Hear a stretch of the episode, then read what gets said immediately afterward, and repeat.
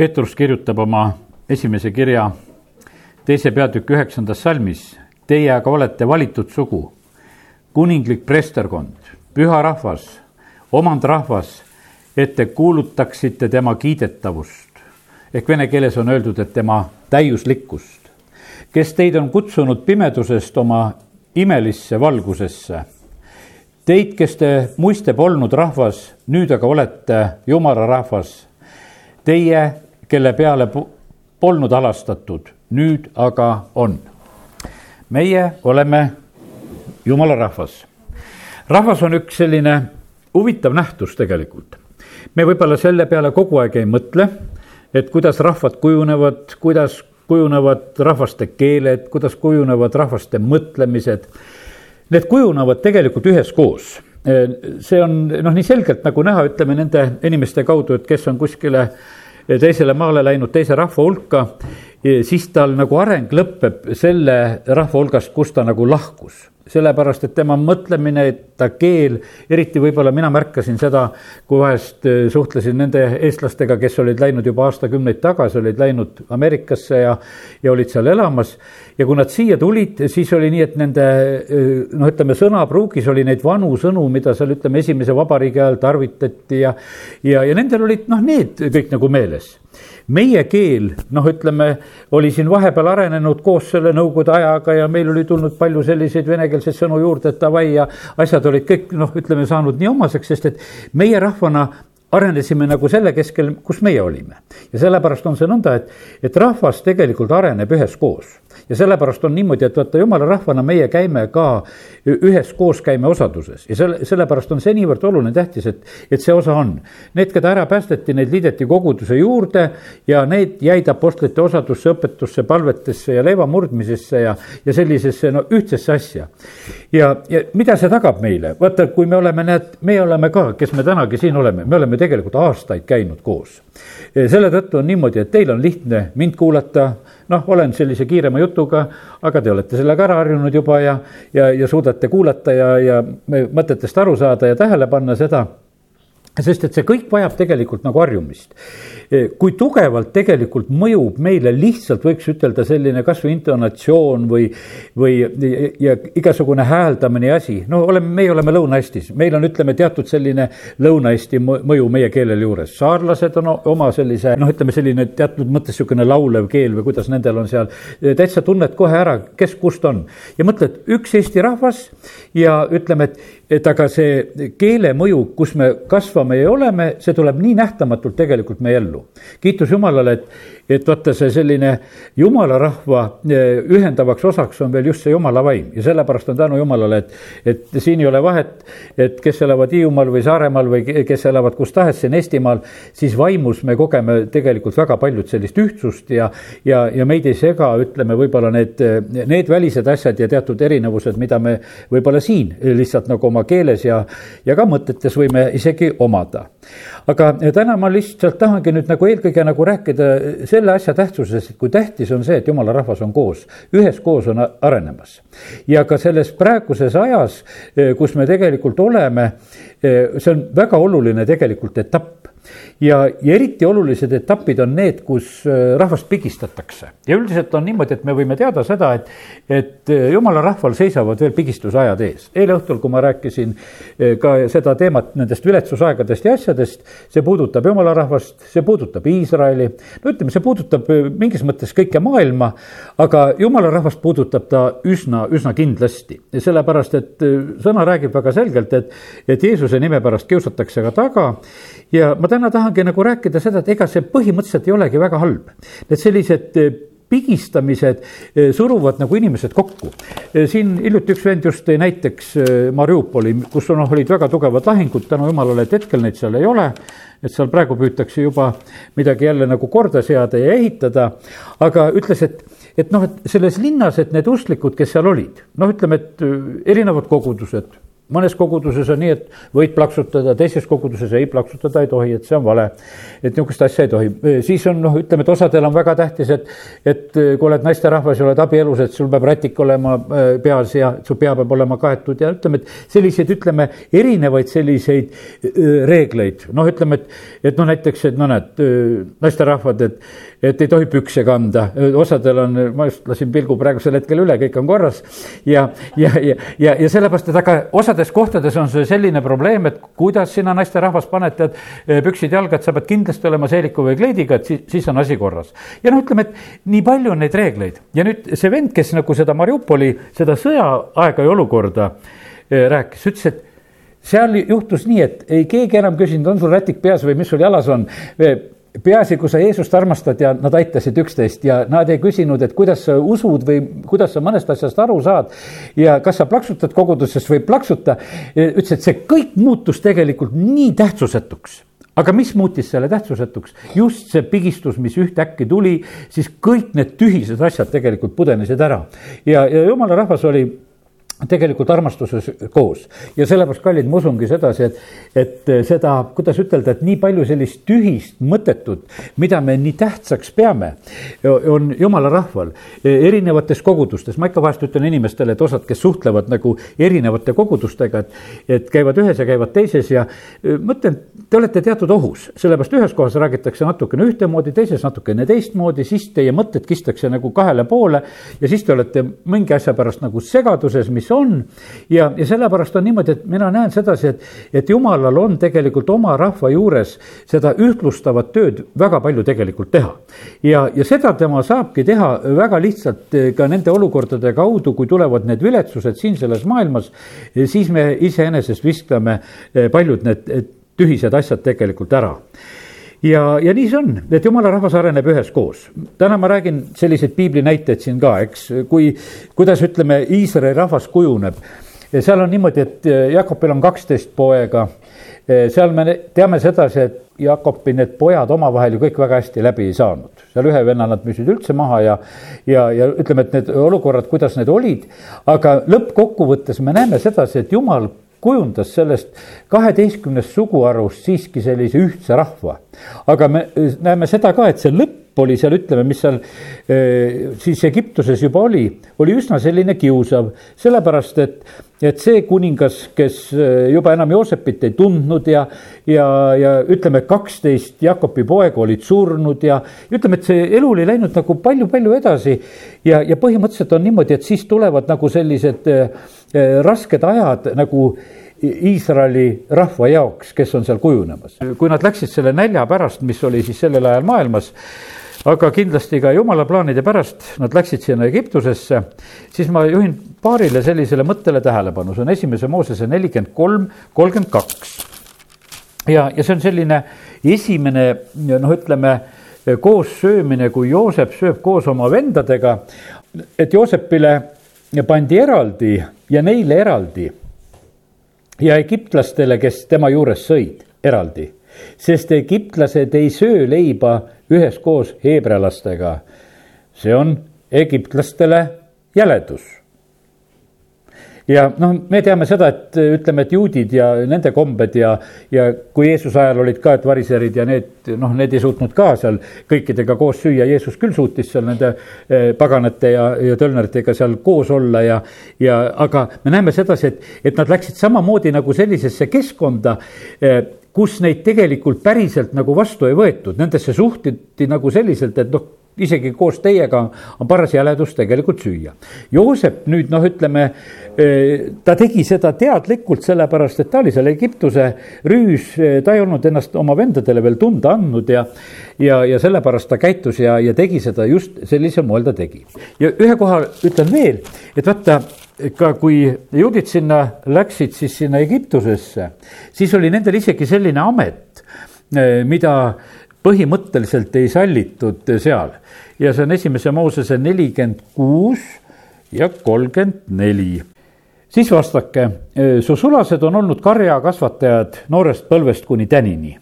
nii hästi meie kui meie isad, et te saaksite elada Kooseni maakonnas, sest egiptlased põlgavad kõiki lamba ja kitsekarjaseid. nii et need olid niimoodi, et nendega ei tahetud koos süüa amet oli ka veel sellepärast, et nad seal neid kitsi ja lambaid pidasid, seda ka põlati. ja ütleme, ütleme, et sa lähed nagu teise rahva keskele elama ja, ja mingis mõttes on niimoodi, et need sinu kombed ja asjad. aga ma näen sedasi, et see oli, põhimõtteliselt oli siin üks jumala tarkus oli mängus. teate, mis see põhjustas sedasi? see põhjustas seda, et see rahvas lükati üheskoos Kooseni maakonda, see lükati sinna arenema. Nende keel arenes, nende mõtlemine arenes. no ütleme, see rahvas arenes, sest nad olid põhimõtteliselt olid üheskoos. Nendel ei tasunud eriti väljapoole minna, sest seal neid põlati seal, seal ei kõlvanud nad teistega koos sööma ja neid põlati nende ameti pärast, mis oli. aga põhimõtteliselt oli see, see surve, mis niimoodi oli tekkinud, see hoidis seda rahvast tegelikult koos. ja see oli selle rahva arenguks tegelikult suur õnnistus. ja, ja sellepärast kiitus Jumalale, kui rahvas laiali pillutatakse, see ei ole mitte mingisugune õnnistus. ja, ja sellepärast see, see selline ebra, ebasõbralik keskkond põhimõtteliselt tegelikult oli neid tegelikult hoidmas nagu sellises ühes ka õiges arengus meie vahest oleme niimoodi, et me oleme nagu hädas ka oma ebasõbralike naabritega ja aga põhimõtteliselt on see niimoodi, et need inimesed ka, kes me ümber on ebasõbralikud, need hoiavad meid ühes heas arengus. Need hoiavad meid, et meie ise vaataksime, kuidas me elame, me peame jälgima oma tegemisi. me peame hoidma oma territooriumi ja, ja peame hoidma teatud sellist korda, meil peab olema teatud julgust enda eest seista, see kõik tegelikult treenib sellepärast, et vaata, kui, kui meil ei ole noh, ütleme mitte mingisugust nagu noh, ütleme välist nagu survest, siis on niimoodi, et inimene on igavene mugav ja, ja jääb lohakaks. väline selline surve tegelikult suurendab rahva ühtsust ja, ja sellist kvaliteedi tõusu.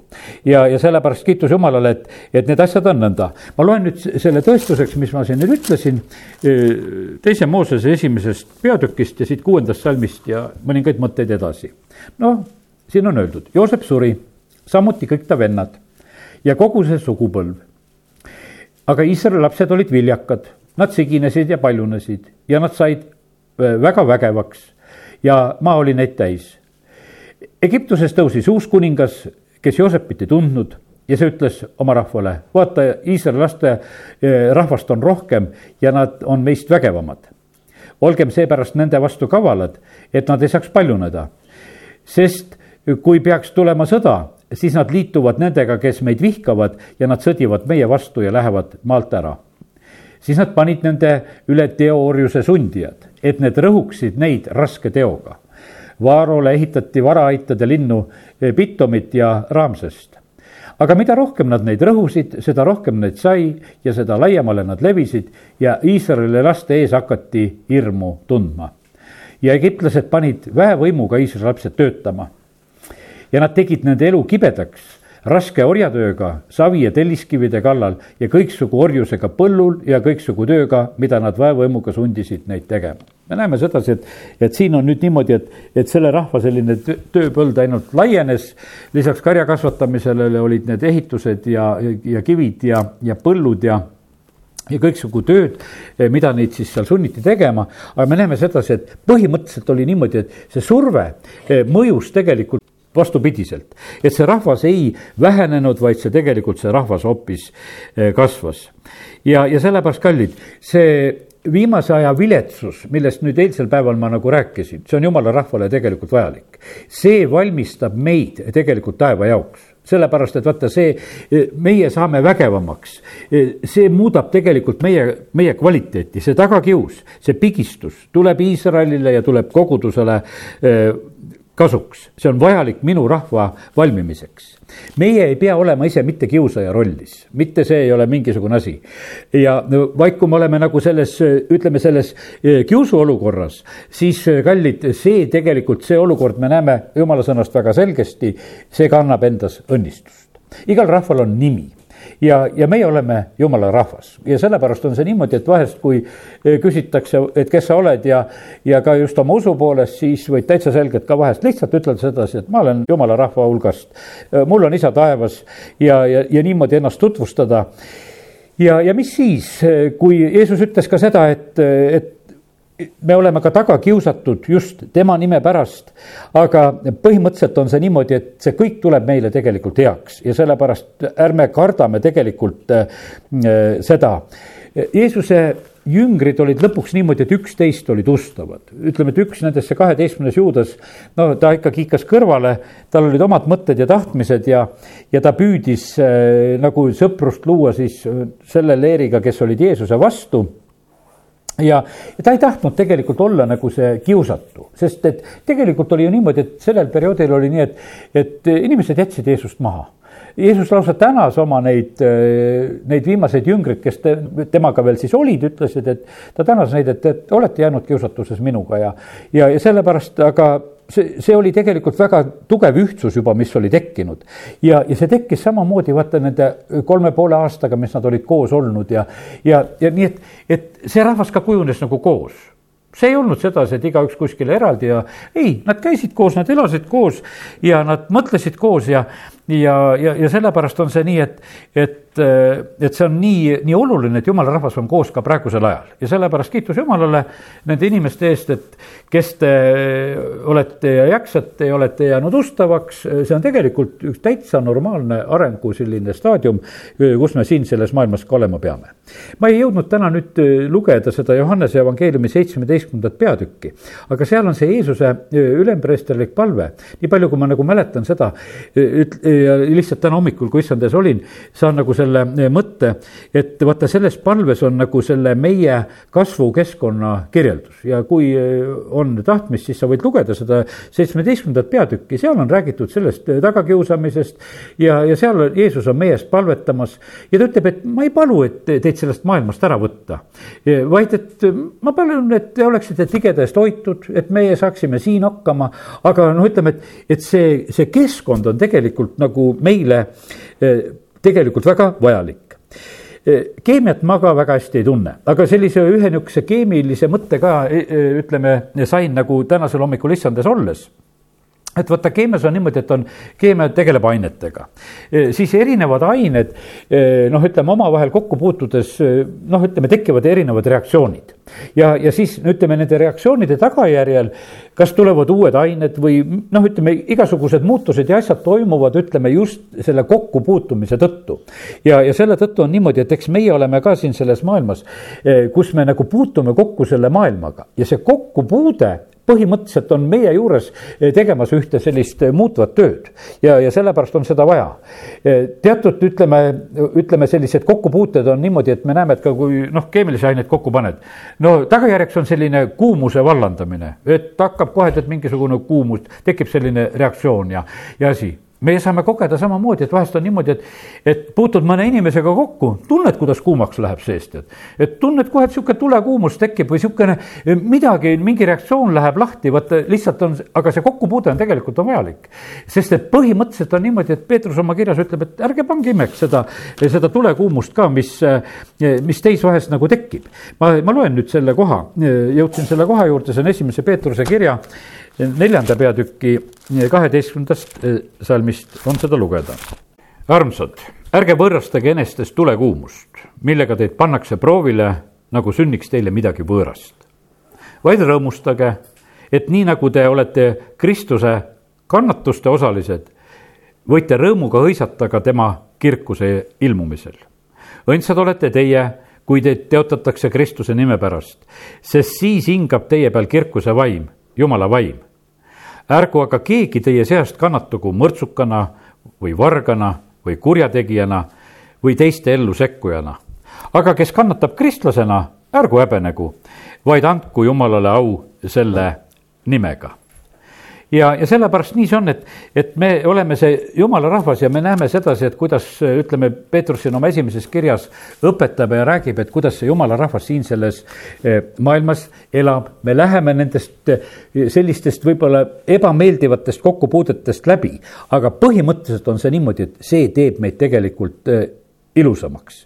nii et see viimane viletsus või see suur ahistus ja asi, mis siin selles maailmas on, see on pruudi jaoks põhimõtteliselt see viimane lihv sellepärast et see, see käib väga tugevalt ja, ja sellepärast on see niimoodi, et sellist lihvimist kristlaskond eh, pole mitte kunagi ennem saanud kui meie seda ütleme, kes me oleme nendes aegades ja kui ütleme, milliste aegadeni meid jumal hoiab siin selles maailmas, seda me ei tea ju täpselt, millal see kõige kangemaks see lihvimine läheb, aga igal juhul seda me sõnast väga selgesti näeme. no seal ütleme ilmutuse raamatu seitsmendas peatükis ja neliteist salmis on räägitud, et Johannese käest küsitakse, et no kes need on seal, need inimesed, kes seal on, seal valgetes riietes ja, ja Johannes ei oska vastata. Need on seal, seisavad palmioksad käes ja valges riides ja, ja ütleb, et issand, sina tead. ja siis talle vastatakse, et need on need, kes tulevad sellest suurest viletsusest ja on oma rüüd pesnud talle veres. ja, ja sellepärast on see nii, et, et vaata, see on nii huvitav, et, et need rasked olukorrad põhimõtteliselt äh, lihvivad meid, teevad meid puhtaks, teevad meid tegelikult ilusaks. Iisrael tuli sellest suurest viletsusest äh, välja Egiptusest siis, eks. ja ta tuli sellest orjusest välja ja kuidas ta välja tuli? ta tuli välja väga ilusti rännakuriides, nad tulid välja väehulkadena, nad tulid välja tervetena, nad tulid välja varandusega, nad tulid välja ühtsena. Sest et see kõik nagu sündis seal ja, ja noh, ütleme, et ja isegi kui Vaaro tuli neid uuesti nagu taga ajama, isegi see pigistus seal selle mere ääres, kus meri on ees ja Vaaro on taga, oli vajalik tegelikult nende ühtsuse ja, ja sellise tugevuse kasvuks. sest et siis, kui nad järgmisel hetkel nägid seda, eh, kuidas Jumal neid aitas ja, ja see hoidis neid ühtsena. vaata see nelikümmend aastat, mis nad elasid kõrbes, no seal oli ka selline, kuidas ütelda, eh, võiks mingis mõttes selline sunnitud ühtsus Nad pidid elama sellest mannast, mida nad korjasid. kõrbes mujal toitu ei olnud sul ei tasunud oma rahva juurest ära hulkuda kuskile, sellepärast et, et jumal andis mannat oma rahvale. kõrbes vett ei olnud lihtne saada, aga nende jaoks oli vesi olemas seal kõrbes. Nende jaoks olid vahepeal need vutid olemas ja, ja nende jaoks oli jumala hoidmine olemas, nende jaoks oli jumala juhtimine olemas ja põhimõtteliselt oli niimoodi, et, et nad pidid tegelikult kokku hoidma, sest et see oli põhimõtteliselt see nende nagu selline võimalus ja lugu. nüüd on niimoodi, et neljanda Moosese raamatu kolmekümne teises peatükis, ma ei hakka seda kohta lahti ka tegema, aga lihtsalt viitan sellele. seal on räägitud sedasi, et, et kui nad on jõudnud juba suhteliselt lähemale tõotatud maale, siis tekib üks selline olukord, et äh, seal kaks suguharu just põhiliselt vaatavad sedasi, et nendel olid väga suured karjad, et vaata, siin on nii ilus ja hea paik, et ma ei tahagi sinna üle Jordani minna me ei tahagi üle Jordani minna, et me tahame siia elama jääda. ja nüüd on niimoodi, et me teame, et Moosesele see asi ei meeldinud, et nad hakkasid kauplema sellist värki. ta ütles, et te võtate teiste võitlusvaimu maha. Teie juba võtate endale siin sooja koha ära, te tahate siin olla ja, ja põhimõtteliselt ta nõudis, ütles, et, et seal ütleme, naised ja lapsed ja need võisid sinna jääda, aga mehed pidid tulema ja olema nii kaua võitlemas, kui tõotatud maad seal vallutatakse ja võetakse, et teiste võitlusvaimu alla ei võtaks. aga me näeme sedasi, et vaata, kui kui hakati juba jõudma sellisesse, ütleme, kergemasse olukorda, siis hakkas see asi nagu rohkem laiali minema. Igaüks hakkas juba nagu enda eest vaatama. kui olukord on väga raske ja kriitiline, siis ollakse valmis rohkem üksteist aitama. aga kui juba on asi nagu kuidagi lihtsam, siis igaüks hakkab nagu enda eest vaatama, et kuule, mul oleks siin hea ja ma ei taha kuskile minna. ja, ja sellepärast juba hakkasid omad mõtted tööle. ja ja kiitus Jumalale, Jumal arvestab meie oma mõtetega ka ja sellepärast ma ütlen sedasi, et ega e, me ei pea mitte oma mõtteid ja soove ka häbenema ja me võime nendest Jumalale rääkida, nii nagu hiljuti nimetasin, et näed, et. et kui Lottigi sealt e, Soodomast välja toodi, siis oli niimoodi, et tema palub, et ta ei taha sinna mägedesse minna, need on seal kuskil kaugel. et tema tahab siin Suaaris olla ja, ja põhimõtteliselt ta saab nagu selle loa ka seal aga teate, nüüd Loti koha pealt e, ka sain ühe sellise pildi veel Lott elas Soodomas, noh, ütleme, et mingil määral meile räägitakse sellest, et ta noh, vaevas oma hinge seal kõige selle patu keskel, mida ta nägi. aga tegelikult nad elasid äh, seal äh, selles mõttes väga hästi, et ega nad surve all ei olnud. seal oli niimoodi, tütarded olid tekkinud väimehed sealt, ja noh, ütleme, et ega need väimehed nüüd väga tõsiselt neid tütreid ei võtnud, sellepärast et kui Lott oma tütardega hakkab ära minema, siis väimehed loobuvad, jätavad need tüdrukud kohe maha, et tühja kah, kui lähevad minema, lähevad minema, vahet ei ole, eks. ja, ja sest, et ega need väimehed väga siis tähendab neid tüdrukuid ei armastanud. ja, ja me näeme, et põhimõtteliselt on niimoodi, et nendele kõigile meeldis seal olla, Loti naisele meeldis seal olla, sest et see lõpuks oli see väljatirimine. aga tähendab, see keskkond oli nendele noh, mingis mõttes sõbralik, ainult viimane öö oli nendel sihuke kehva tead, et kui need inglid tulid sinna ja, ja siis oli selline, et siis piirati seda maja ja püüti seda ust murda ja, ja aga ennem oli et midagi tead nagu probleeme nagu seal ei olnud. ja, ja sellepärast noh, ütleme, nad olid harjunud, nad elasid seal ja, ja vaata ja kuna, kuna see ümbrus oli selline, kuidas ütelda, et see neid ei pigistanud siis see muutis tegelikult nende kvaliteeti nõrgemaks ja, ja, ja viletsamaks sellises mõttes.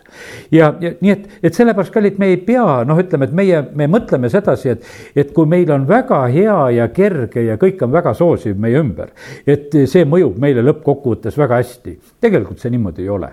ja, ja sellepärast on, me näeme, et, et kui me jumala sõnast loeme, siis me näeme sedasi, et pigemini on niimoodi, et kõik head arengud no on toimunud ikkagi, võiks ütelda, rasketes olukordades, usu kasv toimub rasketes olukordades. no meil polegi usku vaja rakendada, kui meil eh, mingisuguseid asju pole vaja ületada, loed Danieli raamatut, need tulised ahjud ja lõukoorte augud ja no seal on tegelikult meil näha, kuidas usk kasvab inimestel. ja, ja sellepärast kiitus Jumalale, et, et eh, võime täna nagu selle jutuga üksteist julgustada selle koha pealt, et ärme kardame neid pigistamisi ja lihvimisi, mis meile võivad ka elus veel osaks saada. mõtleme selle peale, et see on see tegelikult, mis meid treenib ja mis meid eh, aitab. No jumal tarvitab, ütleme ka haiguse viletsust. Ma tean, et siin vahepeal on olnud, ütleme, see selline karismaatilise õpetuse ajal on olnud niimoodi, noh, et ütleme, et, et on haigustesse suhtumine läinud nagu noh, et tead, et no jumala käest ei tule mitte midagi halba ja, ja noh, et ütleme ja räägitakse nagu selliselt ja, ja noh, et jumal on hea ja, ja, ja nüüd on niimoodi, et mingis mõttes on me mõtted natukese nagu lõhki kistud. kui loed jumala sõnast, siis sa pead nagu noh, ütleme teatud kirjakohtasid nagu teistmoodi natukese nagu endale ära seletama. no ütleme näiteks, et on e, Hiopi raamatus on, ma teen Hiopi raamatu näiteks lahti, Hiopi raamatu kolmekümne kolmas peatükk ja no mina e, noh, isiklikult vaatan Hiopi raamatut väga selgelt niimoodi, et eriti sealt, kus Elihu hakkab juba rääkima, eh, seal eh, on nüüd eh, Jeesuse jutt ja, ja sellepärast on niimoodi, et see on ikkagi täitsa tugev jumala sõna, mis on Hiopi raamatus Elihu sõnade läbi. ja nüüd kolmkümmend kolm üheksateist on selline ütlemine.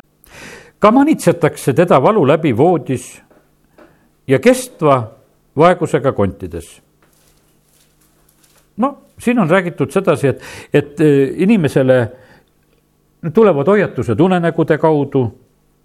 jumal püüab inimesega rääkida, püüab pahateost eemal hoida, eh, mehe kõrkust kinni katta, säästa tema hingeauast ja tema elu odaotsa jooksmast. ja, ja siis on niimoodi, teatud puhkudel on ta niimoodi, et ta tarvitab haigust. no näiteks kuningas Iske elus oli samamoodi, et, et ühel hetkel on kuningas Iske on haige. ütleme, põhimõtteliselt on niimoodi, et see haigushetk oli talle tõsine selline jumala poole pöördumise hetk sest et kui talle öeldi sedasi, et, et sa pead surema, et su päevad on nüüd läbi, siis me näeme sedasi, et toimus selline väga tugev jumala poole pöördumine ja, ja jumal oli kohe valmis vastama. ja, ja, ja rääkimata muidugi seal viienda Moosese kahekümne kaheksandas peatükis seal osas, kus hakatakse rääkima, et kui me jumala häält ei kuule, eh, siis on seal väga otseselt räägitud seda, et mida eh, jumal kõike meie, meie peale paneb sellisel puhul ja põhimõtteliselt on see niimoodi, et, et see on väga selge selline ka jumala kõne eh, kõige selle läbi, mis puudutab ka meie, otseselt meiega siis meie füüsilist ihu ja osa, nii et, et jumal tarvitab kõiki neid viletsusi tegelikult ka, ka meie, meie äratamiseks ja meie kasuks. ja nüüd ongi see selline selline lugu, et, et eh, noh, siin osaliselt sõltub see meist et eh, kuidas me kuuleme jumala häält, kas me hakkame teda kuulama noh, ütleme nende, ütleme, et kui kuulutajad räägivad või unenägudes on või no ütleme neid märguandeid, siis asi ei lähe nagu järjest edasi, aga keda issand armastab, Hebra kaksteist kirjutab meile väga selgelt seda, et, et neid karistatakse distsiplineeritakse, et muidu me oleme niisugused värdjad ja sellepärast jumal tarvitab väga tugevalt nagu äh, seda varianti. ja nüüd äh, nagu Rooma kaheksa kakskümmend kaheksa on öeldud, ma ei hakka ka seda lahti tegema, et vaata, kõik tuleb heaks neile, kes Jumalat armastavad. nii et väga tähtis on see, et me armastame Jumalat ja, ja siis ükstapuha, äh, mis meie elus meile juhtub, siis ütleme, jumal, aga ma sind armastan. ja nüüd tähendab sedasi, et, et, et kui see olukord on minu ellu tekkinud siis ma usun sedasi, et see tuleb igal juhul mulle heaks. sest mina usaldan, et sina oled praegusel hetkel midagi kujundamas, sina oled eh, midagi tegemas meie juures ja, ja mina ütlen sedasi, et tead, nagu noh, ütleme haiguste koha pealt ütlen sedasi, et mis on nagu minu endagi kogemus on see, haigus alandab ega vaata, kui me keegi jääme haigeks, ega me keegi ei uhkusta, et halleluuja, et mina jään haigeks, et vaata, et mis, mis seisus minul praegusel hetkel, mitte keegi tead. meil on ennem niisugune, et ei tahaks nagu rääkidagi sellest et niisugune asi, et, et kaoks juba ruttu ära, et jumal, võta kähku ära, tead, et, et ma sellega palju ei peaks tegelema, et veel teised seda teada ei saaks, et oleks nagu eh, toredam ja lihtsam, et, et ma saaks alati ütelda, et ma olen nii kõva usuinimene, et ma olen kogu aeg terve, sellest minuga ei juhtu mitte kui midagi. tead, jumal niisugust uhkust ei luba. Eh, ja, ja sellepärast on see niimoodi Jeesuse koha pealt Jesaja raamatus on öeldud, kus räägitakse tema kannatamisest, et teda alandati haigustega, haigused alandavad meid. ja sellepärast on see niimoodi, et vaata, kui sa oled, kui sa oled jõuetu ja abitu kui sa ei suuda ise tõusta ja teised peavad sind tõstma ja kandma ja, ja teised peavad sind talutama. tead, see on, igale inimesele on tegelikult see väga, väga alandav. ja, ja nüüd on niimoodi, et, et noh, mina mäletan sedasi, et kui üks meie kogudusõde, kes oli noh, ütleme vähjaga üsna eh, tugevalt juba ja raskelt haige, enam ta ei suutnud ise kõndida ja kui abikaasa teda tassis niimoodi käte peal toob teda meie koguduse jumalateenistusele, paneb sinna nagu sinna natukese kõrvalossa sinna ahju juurde, me panime sinna ühe voodikese talle ja toob süles koosoleku alguses paneb sinna, et näoga kantsli poole oleks, et saaks sinna eh, kantslisse sealt näha ja, ja koosoleku lõpus ta tuleb jälle järgi, võtab sülle ja viib teda sealt ära ja, ja tead, ja see, see on ju nii alandav olukord, kuidas sind eh, süles tassitakse ja süles viiakse ja, ja, ja ma mäletan sedasi, ma lausa käisin küsimas, et kas sa lubad, et eh, ma kutsun praegusel hetkel sealt teise saali poole pealt inimesed ja me tuleme su ümber ja, ja me palvetame su pärast. tehke, mis tahate, tead, tehke, mis tahate. tead, mina nii õppisin sellest ja siis ma mäletan, et kui minu elus tuli kätte see, kus seal kaks tuhat kaksteist jõuluajal eh, kantslis olles eh, kaotan oma tasakaalu täielikult ära, et ma pean abi paluma, et aidake mind siit ära. et eh, ma tahan pikali saada, tead. ja, ja siis ma mõtlesin, et mulle nii meeldis et ma olin selle, selle õe käest õppinud seda, et tehke, mis tahate. tead, siis mul oli ka niisugune, et tehke, mis tahate minuga, siis et ma ei seisa püsti. no, no aidake mind, ma ei saa, ma ei saa ise, ise siit üle ruumi ka mindud enam. kui te mind ei aita, siis ma siit minna ei saa praegusel hetkel. ja tead, ja siis, ja siis ma olin nii tänulik, et minu üks õde oli minule õpetanud tegelikult sedasi, et, et see alandusolukord tuleb lihtsalt võtta vastu ja lihtsalt olla selles ja tehke, mis tahate. tead, ja mitte midagi, sest ma ise enam ei suuda mitte midagi. ja, ja sellepärast on see niimoodi, et jumal teab, eh, kuidas ta vahest saab meie käest nagu võtta eh, selle sellise uhkuse ja enda tugevuse ja ja eks seal oligi, näed, et Jakob mm, läheb puusast langates, kui ta sai jumalaga kokku ja jumalaga oli võitlemas, et ja ja ega see ei olnud mingisugune noh, ülendav asi, et sa pead siis kepiga edasi oma elus käima, tead, et, et ma nüüd tarvitan. me, ma mõtlen, ma näen sedasi, praegusel ajal on niimoodi, et inimesed kasvõi nendele abivahenditele ja noh, üldiselt kõik on nii viisakaks muutunud ja, ja see ongi ilus, et antakse nii ilusaid nimesid, vanasti ma ütlesin, noh, käib käruga tead, eks. nüüd, nüüd on ikka ilusad asjad, tead, millega nad kõik ringi liiguvad ja, ja sest et, et see oleks vaata, et see vähem tegelikult nagu kuidagi riivaks inimest, et see oleks talle nagu, et kõik need abivahendid ja värgid ja kõik on sellised eh, nagu kuidagi meeldivamaks tehtud. Ja sellepärast, et need on alandamas tegelikult inimest alati, kõik see, mis tegelikult niimoodi meist nagu üle käib. aga ma täna lihtsalt räägin sellest, et eh, jumal valmistab meid tegelikult igaviku tarvis. kõik see, eh, mis ütleme siin selles maailmas on ka meie füüsiline selline nõrkus või asi või mis iganes see on eh, igavestes aegades, kui me ükskord siit pääseme, on lõpuni unustatud, sellepärast et seal enam neid asju ei ole. aga siin tarvitatakse neid lugusid. nüüd eh, teise Korintuse algusest on täna vaja eh, ka lugeda, teise Korintuse esimesest peatükist ja, ja kuuendast salmist loen ka edasi.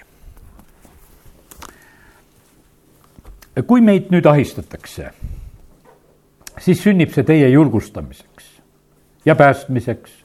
kui meid julgustatakse, siis seegi sünnib teie julgustamiseks. see saab teoks, kui te vapralt talute neid samu kannatusi, mida meiegi kannatame. ja meie lootus teie peale on kindel, kuna me teame, et nii nagu teil on osa meie kannatustest, nõnda on ka meie julgustusest. me ei taha ju, vennad, et teil jääks teadmata kuidas meid Aasias ahistati. Meid koormati üliväga üle meie jõu. nii et me koguni kahtlesime oma ellujäämises. jah, meil oli endi arvates surmakäsk juba käes, et me ei loodaks endi, vaid Jumala peale, kes surnud üles äratab. tema päästis meid sellest määratu suurest surmast ja päästab veelgi. tema, kelle peale me loodame, jah, ta päästab edaspidi kui te eespalvetega meile appi tulete, nii et paljud tänaksid paljude inimeste eespalvete tõttu Jumalat, Jumalalt osaks saanud armuonni eest. noh, üsna keeruline ja raske olukord ja me näeme sedasi, et Paulus, kui ta kirjutab, ütleb sedasi, et mitte mingisugust inimlikku lootust ei olnud, et me ei toetuks ega loodaks üldse inimeste peale, vaid ainult äh, Jumala peale. ja sellepärast on nii, et kallid, usaldame jumalat, usaldame eh, tema kujundamist ja kui ta vahest meie elus peab ka tarvitama neid eh, selliseid, ütleme, eh, pigistavaid asju, siis see kindlasti tuleb ka meile õnnistuseks. kohtumõistjate raamat on selline huvitav raamat, seal on korduvalt need lood. kui Iisrael taganeb jumalast, siis jumal saadab kallale naabrid ja sellepärast, kallid, peame meeles, meil on naabrid.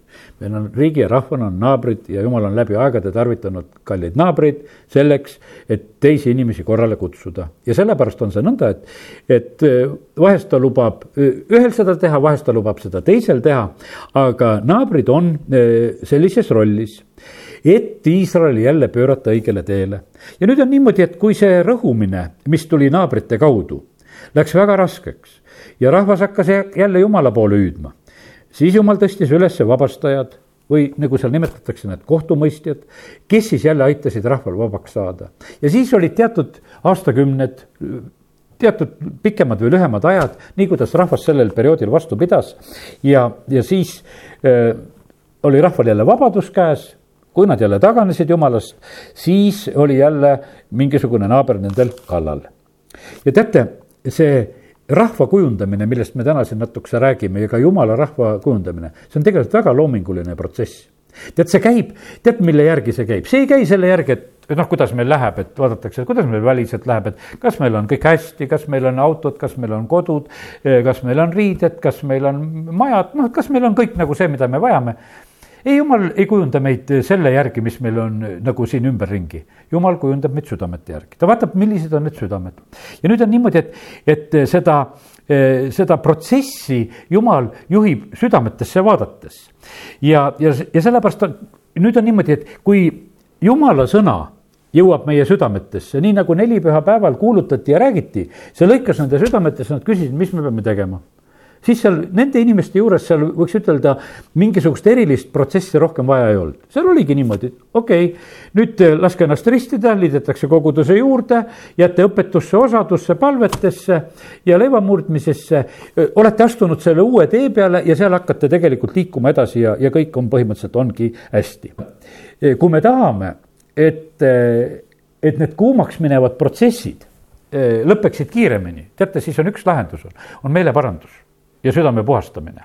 vaata, siis on niimoodi, et, et sest jumala eesmärk on tegelikult saavutada asju meie südames. jumala eesmärk ei ole meie ihude kallal tead, ei tea, mis asja teha või saavutada. see, see ei, ei ole üldse talle huvitav. tal on tegelikult huvitav on see, et mis toimub meie südametes, sest tema paneb eelkõige seda tähele. ja kui sa tahad seda, võiks ütelda, seda tulekuumuse temperatuuri vähendada, siis paranda meelt ja, ja põhimõtteliselt on see asi. aga vaata, siin on vahest on see niimoodi, et see uhkus ei luba seda eh, meelt parandada, ma vahest mõnele inimesele nõu andnud, paranda meelt, no kohe pahandab selle peale, et mis asja tead. mina küll ei pea meelt parandama, mu naabrid peaksid meelt parandama, tead. tead ja, ja noh, ja ongi kogu lugu, aga mina mõtlen, et kui ma olen su sõber, ma ütlen sulle näkku sedasi, et sul on tegelikult seda vaja, tee seda parem. ja, ja näed, et hakkab su ümber asi tegelikult muutuma ja, ja sellepärast me peame laskma endi südamete juures eh, tööd teha ja ma ütlen, et parem on niimoodi, kui jumal teeb oma sõnaga meie südamete juures eh, tööd teha. ja, et meie iseennast laseksime siis päästa, nii nagu see eh, ütleme, oli seal nelipühapäeval, et laske endid päästa. ja, ja sellest endisest olukorrast me peame siis nagu välja astuma ja siis me ja põhimõtteliselt on see niimoodi, et ära sa siis arva, et kui sa oled tulnud, ütleme, päästmisele ja meeleparandusele, et see sinu kujundamise tee on lõppenud. põhimõtteliselt ma täna rääkisin jumala rahva kujundamisest ja, ja see käib edasi. nüüd ma lõpetan ühe sellise väga huvitava näitega, mida pastor Jüri Kusmin tegi kord oma koguduse rahvale. Nendel olid nähtavasti mingid pulmad või asjad olnud ja, ja nemad olid selle pulmade jaoks teinud nagu noh, ütleme sellise pulmaväravad, noh nagu tehakse vahest need lilledest ja selline kaar ja, ja need ja siis ütles, et see kaare osa oli üks meeter kõrge see kaare osa oli ühe meetri kõrgune ja siis olid noh, need meetrised jupid, mis veel alla läksid, aga noh, et siis sai see paar meetrit, et siis see pruutpaar sai seal kaare all seista ja sai seal pilti teha ja noh, ütleme neid, neid asju seal korraldada, mis on. aga tema, kui ta läks kogudusse, ta nägi sedasi, et see kaar oli seal ja ta pani selle kaare koguduse ukse ette ja ütles, et täna tuleb kogudusse tulla niimoodi, et kõik peavad kaare alt läbi tulema. tulete käpuli ja roomates. ja, ja siis on niimoodi ja ütles, et noh, et lastele oli see meeldinud, et lapsed olid hea meelega sealt kaare alt läbi käinud. ütles, et üheksakümmend protsenti rahvast tuli. ja ütles, et ja nähtavasti kümme protsenti keeras selja, läks minema sest nad ei olnud valmis alanduma, et sihukest nalja teha, et, et käpuli sisse tulla. ja, ja, ja ta ütles, et ei, ma ei teagi, kas nad enam tagasi tulid. ja sellepärast ma ütlen, kallid, jumal on meid kujundamas. minge sisse kitsast väravast ja laske ennast kujundada, aamen. Ja isa, me täname sind, et sa oled tänasel õhtul ka meid kujundamas. isa, me täname sind, et me oleme võinud olla sinu sõna mõjupiirkondades täna siin selles paigas ja tänu sulle, Jumal, et, et sa oled täna meiega tegelemas ka just oma sõna ja rääkimise kaudu ja kui see saadab seda korda, milleks sina oma sõna välja läkitad, siis jumal, me täname sind, et see muudab nagu seda olukorda meie ümber, siis me ei pea seda tulekuumust ja, ja neid igasugu väliseid asju enam nii palju kannatama, sellepärast et jumal, sa oled saavutanud selle, mida sa tahad saavutada meie juures selle sõna läbi, mille sa välja läkitad isa, kiitus ja tänu sulle, et, et see sõna on eelkõige meie südamete jaoks ja ka meie eh, mõtete ja meelte uuendamiseks. isa, kiitus ja tänu sulle, et, et meie võime lubada seda lihtsalt sinul teha. isa, kiitus tänu tänu sulle, tänu sulle, et sa oled eh, meid ka valmistanud nagu selle jaoks, et meie ei ole ehmatanud siis ka, kui need välised surmed tulevad, jumal, sinu rahva vastu ja mis siin selles maailmas veel või, võivad tulla, vaid et me vaatame eh, nendele kui nendele protsessidele, eh, millest läbi minnes meie saame ilusamaks. Ja sellepärast, jumal, me täname sind, et lõukoorte auk teeb ilusamaks, tulinahi teeb ilusamaks. Ja isa, me täname sind, et see on olnud ikka läbi aegade sinu rahva osa. ja isa, kiitus ja tänu ja ülistus sulle, et sina tegelikult oled nendes olukordades meiega. sina sulged seal lõukorte suud ja, ja sina võtad ära sellel tulel kuumuse ja hoopis need ahelad, mis on meie ümber, need põlevad ära ja me läheme hoopis vabadena ja rõõmsatena sealt edasi. isa, kiitus ja tänu ja ülistus sulle ja me täname sind, issand, selle tänase õhtu eest ja, ja selle sõna eest ka, mis sa meile läkitasid Jeesuse nimel. amen